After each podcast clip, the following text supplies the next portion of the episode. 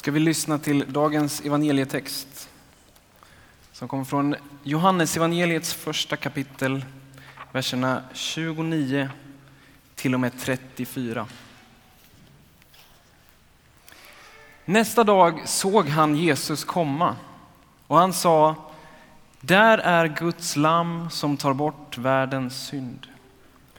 Det är om honom jag har sagt, efter mig kommer en som går före mig, ty han fanns före mig. Jag kände honom inte, men för att han ska bli sedd av Israel har jag kommit och döper med vatten. Och Johannes vittnade och sa, jag har sett anden komma ner från himlen som en duva och stanna över honom. Jag kände honom inte, men han som sände mig att döpa med vatten sa till mig, den som du ser anden komma ner och stanna över, han är den som döper med helig ande. Jag har sett det och jag har vittnat om att han är Guds utvalde. Tack Jesus Kristus för att du har blivit människa. Och att du också finns i ordet och vill tala till oss genom det. Öppna våra hjärtan för vad du vill säga här idag. Amen. Och varsågod och sitt.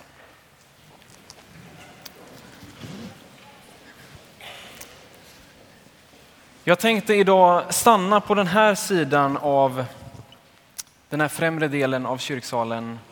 För det här är min sista chans att lite speciellt tala inför er som nu är 14 vitklädda konfirmander.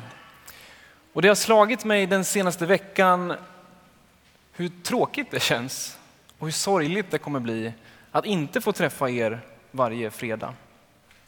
Jag har ju lovat er att ni ska få komma hem till mig och äta glass om några veckor. Vi ska prata om det efter gudstjänsten. Vi började vårt år i Gamla testamentet, i Moseböckerna. Fem böcker som inte är de mest lästa, om man ska vara ärlig, i Bibeln. Men ändå så är det en av mina favoritdelar. Och jag är medveten om att, att vissa av de här böckerna upplevs krångliga, verklighetsfrånvända, väldigt frikopplade från det mesta som berör vår vardag. Och det är lite så. Men jag tror att Moseböckerna har alla vid något tillfälle, alltså på deras tid, varit riktigt utmanande och helt rätt i tiden. Men en av de här fem Moseböckerna, den andra Moseboken, den är lite av ett undantag. Den är väldigt konkret. Mycket mer lättillgänglig. Den berättar om hur Gud kallar sitt folk och det är till exempel där vi hittar tio Guds bud. En av de mest lästa bitarna av Bibeln. Och det är mitt i den här historien som dagens gammaltestamentliga text är hämtad. Och den handlar om hur Gud har kallat sitt folk ut ur Egypten och befriar dem från slaveriet där. Och han gör det genom att dela på havet så att folket kan gå igenom vattnet och på så vis bli befriade från slaveriet. Och det är här någonstans i texten som vi börjar närma oss den röda tråden i dagens tema. Som är vårt dop. Och jag vet inte om det går att pricka in ett bättre, en bättre söndag i kyrkåret än just vårt dop för en konfirmationshögtid. Det delade havet är en bild också för dopet som är det som räddar oss från vårt slaveri, det som binder oss i våra liv. Från synden och döden.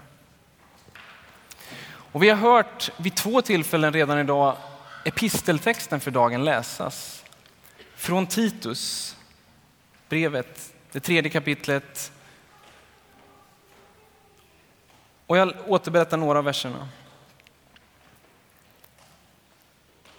Men när Guds, vår frälsares, godhet och kärlek till människorna blev uppenbara räddade han oss. Inte därför att vi gjort några rättfärdiga gärningar, utan därför att han är barmhärtig. Och han gjorde det med det bad som återföder och förnyar genom den heliga anden. Genom Jesus Kristus, vår frälsare, har han låtit anden strömma över oss.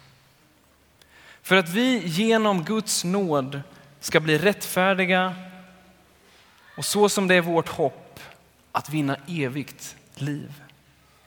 Det är ett ord att lita på. Dopet är förvisso en handling, antingen av våra föräldrar eller av oss själva. Men det är aldrig en prestation. Tvärtom så är dopet någonting som vi tar emot. Det är en gåva av Gud själv. Och då blir frågan, men vad är det vi tar emot? Jo, det är samma räddning som Guds folk tog emot. Befrielsen från det som binder oss. Från slaveriet i våra liv, om man kan använda en sån bild. Från synd och från död ytterst sett. Vi tar emot räddningen genom Jesu försonande död och också hans uppståndelse. Och när vi gör det så blir vi del i gemenskapen med Kristus och hans församling. När Mose var med och såg Gud dela på havet och när Johannes såg hur Jesus blev döpt, som vi läste nyss, så var det inte slutet på resan. Dopet, liksom konfirmationen, är inte heller målet. Det är möjligtvis ett delmål, men jag skulle snarare kalla det kanske en milstolpe. Det är någonting vi passerar på livet, men det tar inte slut där. Snarare är det starten på en ny del, på ett nytt liv med Jesus själv.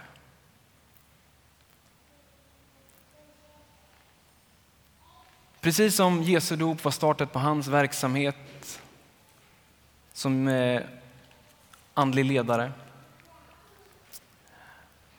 Och den här synen, både på dopet och tron, konfirmation och livet i allmänhet, den är väldigt befriande. För det här betyder att tron inte är ett färdigt paket. Inte ens om man läser konfirmation varje fredag i ett helt år så har man liksom fattat allt. Eller hur? Ja, det ser ganska säkert ut faktiskt. Nej, men det är så att tron är inte liksom ett färdigt paket som ni kan få med er hem nu och nu är det klart. Utan ni har påbörjat en resa. Och jag känner ju er nu och jag vet att ni har kommit lite olika långt. Några av er döptes här idag, några av er ska bekräfta dop och några funderar fortfarande en hel del och sånt. Och det är helt okej. Okay. Det är precis så det är. För vi gör alla vår egen resa. Och vi är alla på olika platser där. Men det är också det som är så fantastiskt med bilden av en resa. Att den fortsätter och det finns en framtid. Det finns alltid möjligheter att stanna på nya stationer i livet. Och något av det viktigaste som vi ledare har fått göra under det här året och som vi är väldigt tacksamma för, och nu talar jag för oss alla, det är okej? Okay. Det är att vi har fått dela den här resan med er. Att vi har fått dela en liten del av era resor. Och något av det viktigaste som vi har lärt oss och som vi också hoppas att ni har lärt er, det är att den här resan, både trons resa och livets resa, det är en resa som vi aldrig gör ensamma. Utan vi gör den tillsammans med Gud, men också tillsammans med varandra. Och det är också precis det som vårt dop handlar om. Att när vi döps, oavsett när i livet det sker, så döps vi in i Kristus, men också in i hans församling. Vi blir del av en gudomlig gemenskap på jorden. Om än inte perfekt. Och det står så här i första Korintierbrevet 12. Med en och samma ande har vi alla döpts att höra till en och samma kropp. Vare sig vi är judar eller greker, slavar eller fria, och nu lägger jag till lite, kvinnor eller män, gamla eller unga, svenskar, syrier, amerikaner eller var vi kommer ifrån. Alla har vi fått en och samma ande att dricka. Det är evangeliet. Amen.